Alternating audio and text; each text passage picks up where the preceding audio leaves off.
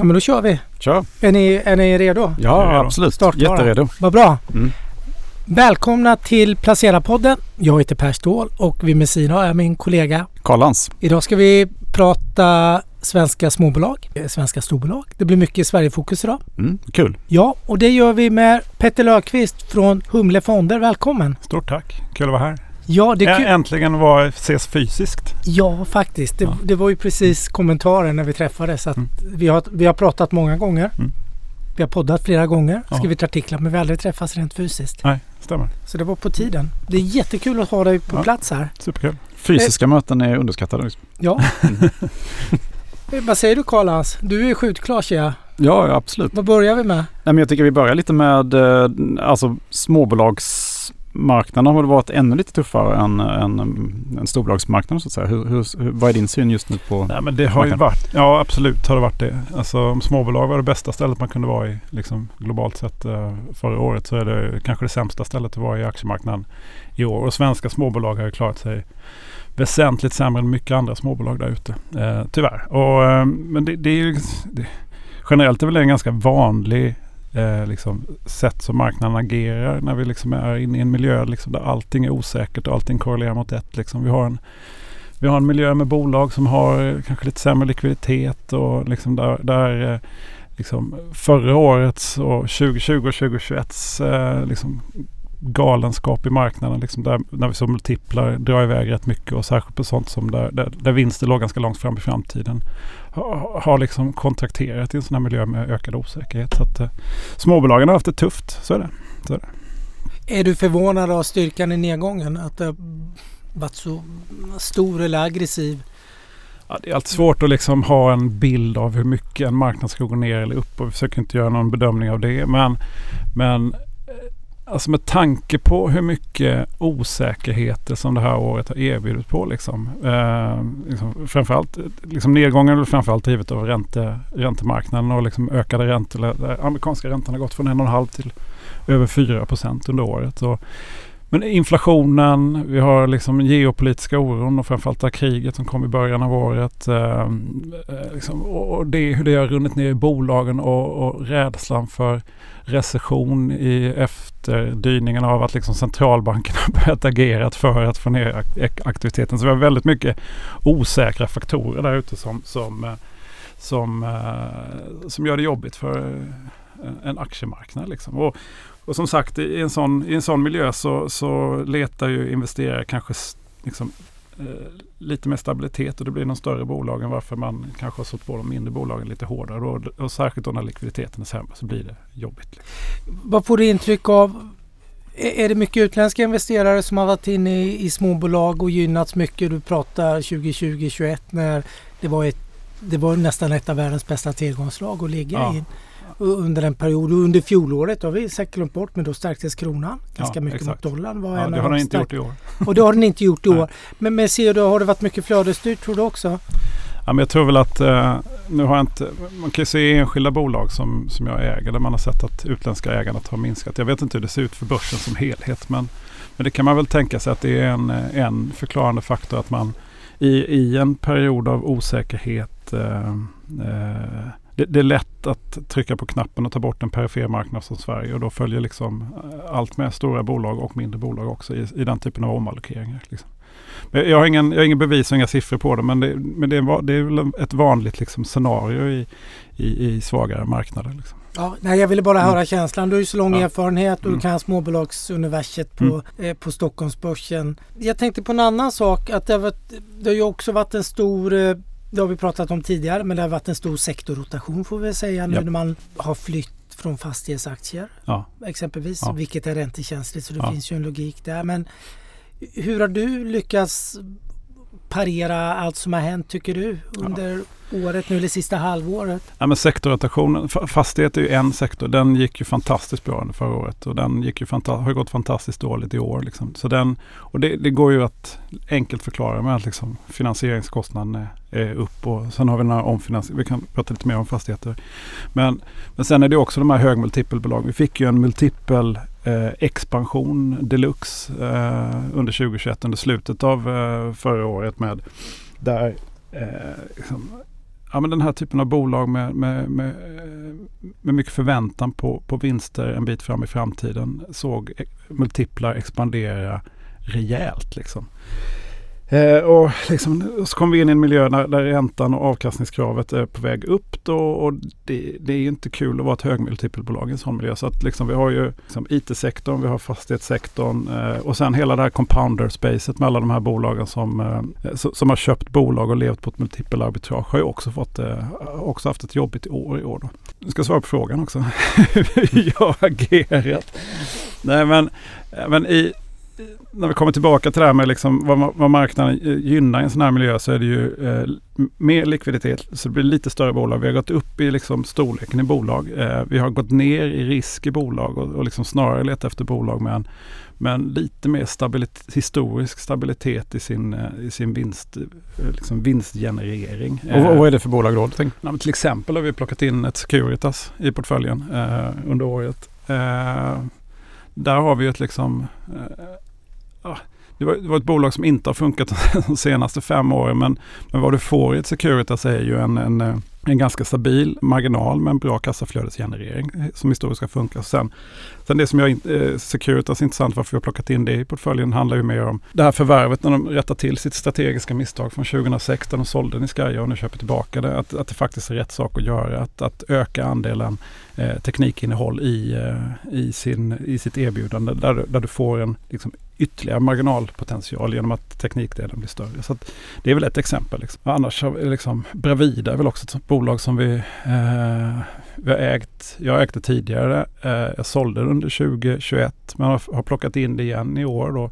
Just också av, just av den här extrema stabiliteten som det här bolaget har visat historiskt. Då, med, en, med en låg värdering dessutom. Då. Så det är saker som har kommit in. där och på, på liksom saker som har fått lämna så, så, så är det ju fastighetssidan. Jag under förra året var ganska tungt överviktad mot fastigheter. Där sektorn var ju gynnad av att liksom, eh, substansvärdestillväxt var, var väldigt gynnat. Liksom, eh, bolag som, som använder kapitalmarknaden för att liksom, köpa eh, öka sin substans den vägen och dessutom hade vi en marknad där, där man kunde skruva upp värdena på de sakerna man köpte. Det var ganska gynnat på börsen. Den typen av case har, har vi liksom lämnat i portföljen. Vi pratade om det sist att SBB var ett sådant bolag vi sålde tidigt. Eh, Eh, Nyfosa också fått stryka på foten. Eh, och sen har vi minskat, eller bolagen har gjort ett ganska bra jobb själva, minska sin position i portföljen. Vi har inte köpt mer men vi, vi äger fortfarande liksom kassaflödesfokuserade bolag med Sagax och MP3 till exempel i portföljen.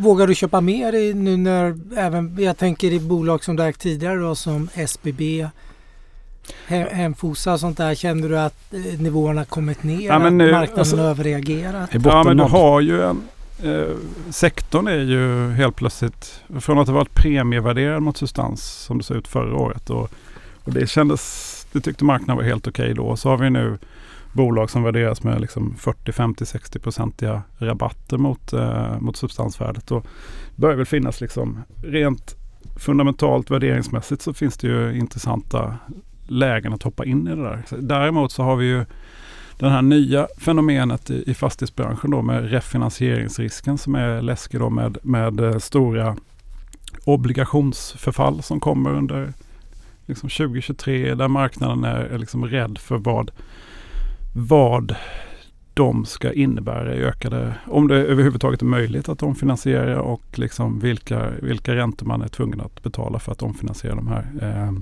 eh, obligationerna. Så det är, ju en, det är ju en faktor att ta hänsyn till då. Så att, eh, men med det sagt då så får man ju titta på vem, hur ser liksom ägarkonstellationerna ut bakom? Finns det liksom torrt krut att liksom faktiskt vara var, var delaktiga i liksom nya emissioner för, om det skulle krävas för att, liksom, för att kunna lösa obligationer? Eller liksom är, är ägarbilden så osäker så att liksom vi, vi måste se att bolagen fortsätter sälja och krympa sina balansräkningar den vägen. Ja, vi har tagit in lite Castellum till exempel i portföljen. Nu på Akelius, eller? Ja, vi föregick honom föregick några, några, några veckor.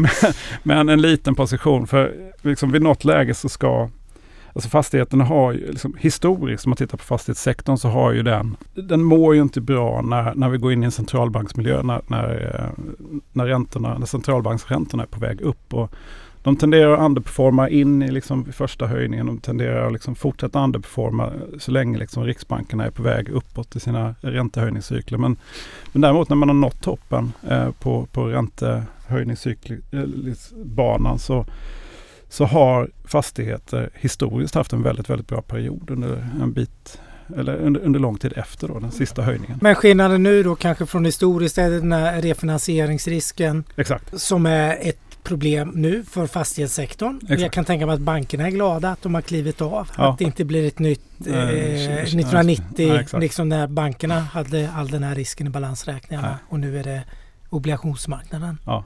Då var det lite andra belåningsnivåer också. Ja. Som bankerna var ja.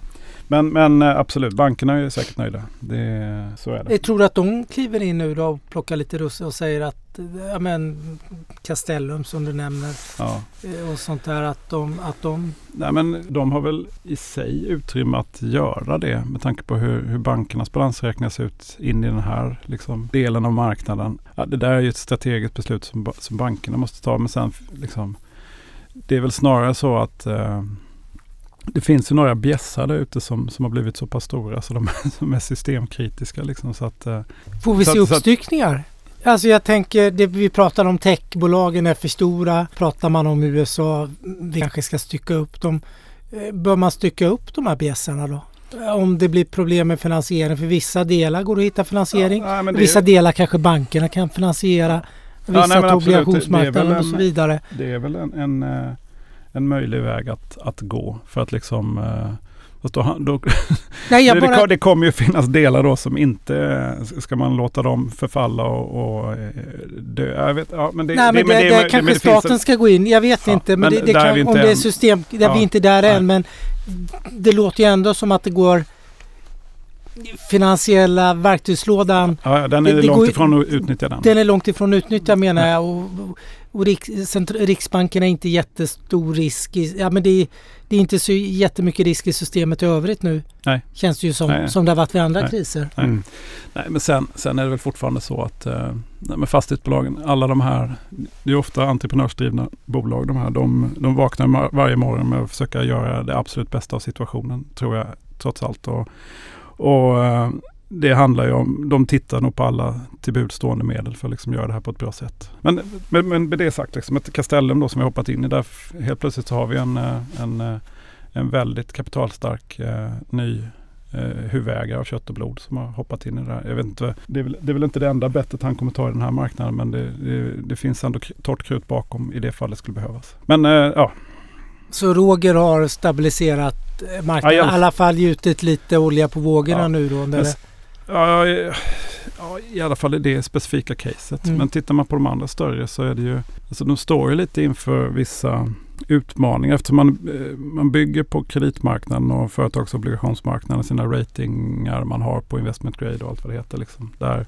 där, där är liksom loan to value ett viktigt mått. Liksom hur mycket skuldsättning man har i för, förhållande till, eh, till eh, fastighetstillgångarna. Och det är klart, liksom, nu har vi sett lite nedskrivningar. Det är inte mycket uh, vad är det, Entra i Norge och sen har vi något Heimstaden. Och, ja, det finns lite nedskrivningar där ute men sen är det också det här korsägandet med liksom, där, där, bolagen äger varandra och det finns eh, ägande i andra typer av eh, börsbolag som inte är fastighetsrelaterade. Det kan finnas nedskrivningsbehov som kan påverka substansen och då har det liksom en nedåtgående press på, på det här loan to value och vad det innebär för, för de här ratinginstitutens syn på om det är investment grade eller ja, junk bonds. Det finns några risker där ute som, som blir väldigt, man, man måste liksom titta bolag för bolag tror jag, i mångt och mycket. Och mest risk är det väl i hyresfastighetsbolagen då? Ja, där du, där du inte har någon eh, större direktavkastning på fastigheterna. Ab- Absolut. Där är det, ju, det är inte, och det har man ju sett också på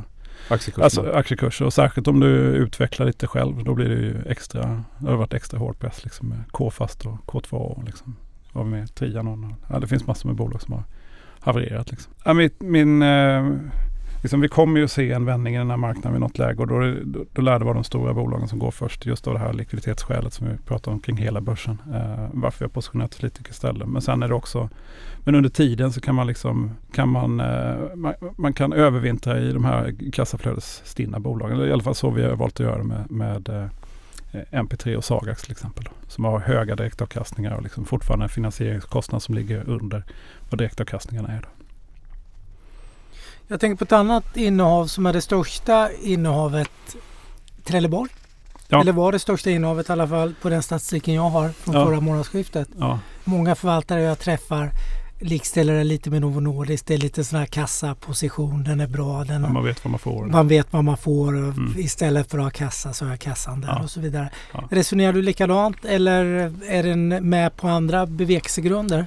Ja, Trelleborg, jag, jag tänker inte på portföljen utifrån vad som är största innehav utan jag mäter ju, tar mina positioner utifrån en, en, eh, riskpositionering eh, utifrån hur mycket de väger i index. Och Trelleborg väger ganska mycket så att riskpositioneringen på Trelleborg gör inte att det, ja det, pass, ja, det kommer in på topp 10-listan. Liksom. Eh, men det är inte högst upp riskmässigt. Där har vi Vitec och Hexatronics istället. Men, men Trelle är ju det är ett bolag med, med, med de förändringar man har gjort med, med avyttringen av Wheels Systems så, så får du en annan du får en annan typ av finansiell profil i ett Trelleborg eh, jämfört med hur det har sett ut eh, historiskt. Liksom. Där, där mycket, mycket mer fokus blir på sealingverksamheten som är en väldigt, väldigt hög, eh, högkvalitativ verksamhet helt enkelt. Så att det är kanske ett litet liksom, det är ett fegisbett mot, eh, mot verkstadssektorn där du vet vad du får, du får likviditet. Men det här är ett bolag som man borde kunna prissätta liksom multipelmässigt lite högre än vad man har gjort historiskt på grund av de, de förändringar man har gjort då. Nu är marknaden, liksom, den här marknaden vi står inför nu som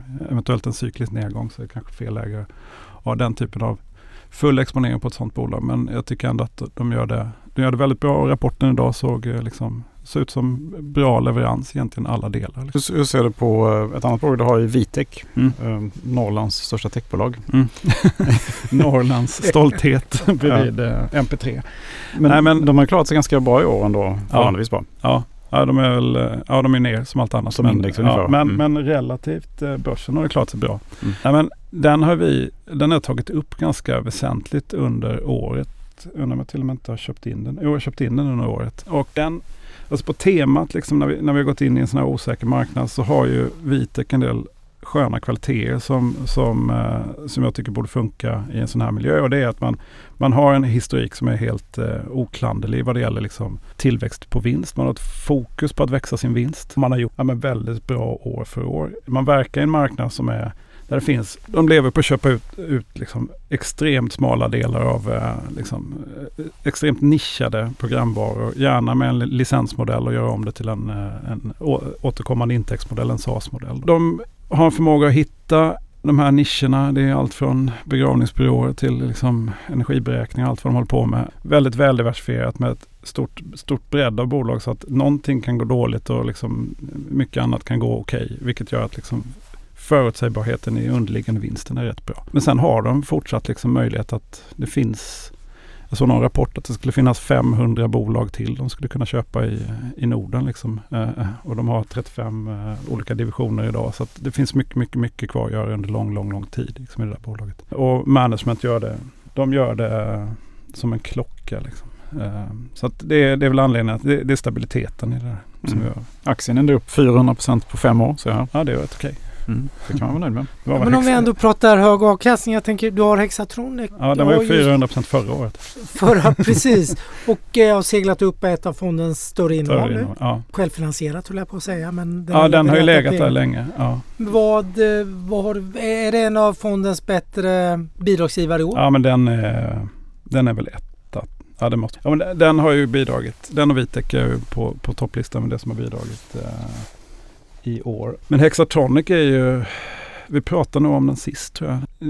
Inget har ju hänt med att de har positivt vinstvarnat en gång till. Liksom. De är ju inne i en eh, de har ju en exponering som är helt eh, fantastisk med sin fiberutbyggnad. Där, där de förvärven man har gjort, de plattformförvärv som man har gjort och som man fyller på då är Eh, har varit väldigt värdeskapande. Marknaden växer och det kommer att fortsätta växa under, under lång tid med fiberutbyggnad. Och, eh, man har gjort jobbet i Sverige som, där man gjorde det väldigt snabbt och, och, och fort. Eh, och nu gör man det i UK och Tyskland och USA. Avkastningen är ju, liksom, på börsen har ju det här betalts väl och vi har sett multipeln expandera. Men eh, det är fortfarande ingen galen multipel i, i ett Hexatronic eh, om, om de här vinsterna ska trilla in under kommande år. Liksom. Så att eh, den, den är, fortfarande, den är fortfarande högt upp på listan. Men eh, de, de, det börjar komma i ett sånt läge att de har inte råd att liksom inte leverera. Liksom.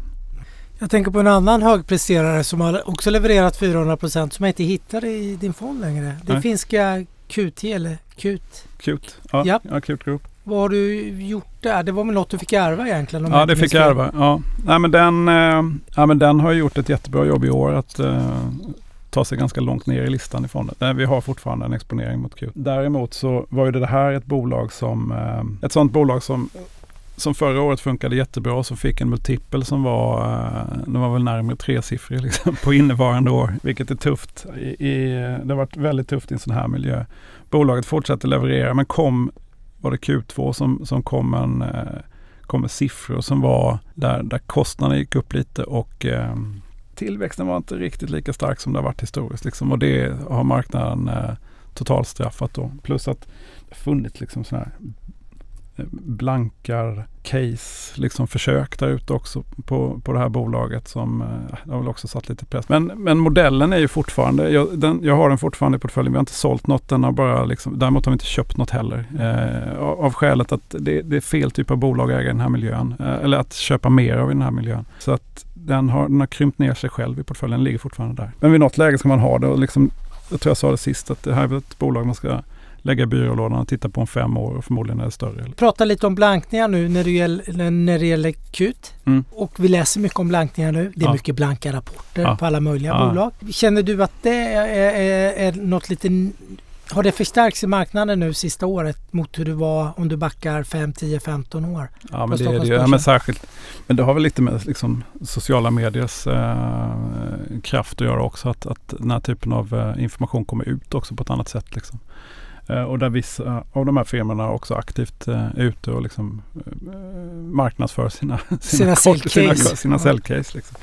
Så att det är väl en företeelse som har, som har tilltagit. Och, eh, och särskilt, ja man kan väl med, med tanke på hur, hur Stockholmsbörsen och vilken det blev, att det var en hype under förra året med liksom vissa bolag som gick väldigt mycket och vi såg multiplar dra iväg. Så, så kanske det har varit ett, eh, ett enkelt liksom, offer att ge sig på den svenska börsen och de, eh, de, den typen av bolag som faktiskt fick eh, där, där värderingarna drog iväg kanske lite väl mycket och liksom där kanske insynen blev eh, lite, lite svårare över tid när liksom, liksom snabba förvärvsstories eller liksom eh, eh, ja, eh, eller framförallt det då liksom, där saker och ting blev liksom lite ogenomlysbart. Liksom.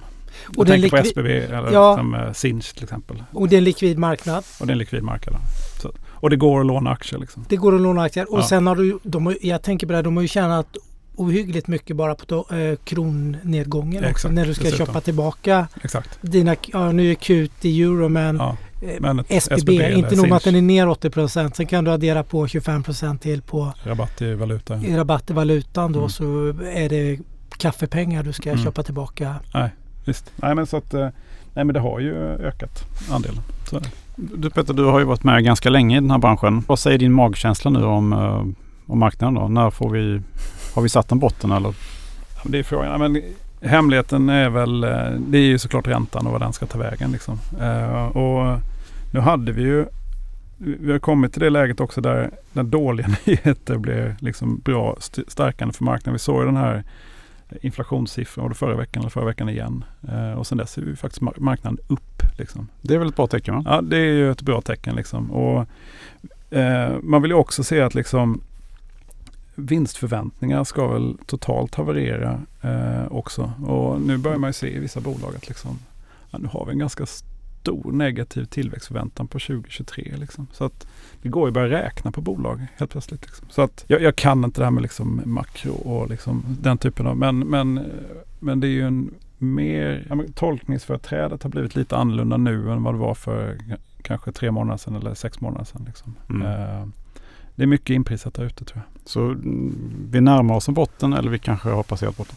Ja, vem vet alltså. Ja. Men ja, hemligheten är ju räntan och vad den ska ta vägen. Liksom. Mm. Och eh, kan, vi, eh, kan vi bara se att det stabiliseras. Och, och det där, ja, nej, ja, jag ska inte ge mig in i någon makrodiskussion för jag kan inte. Liksom. Men eh, det är ett annat tolkningsföreträde idag i, i marknaden och det kanske är lite stödjande.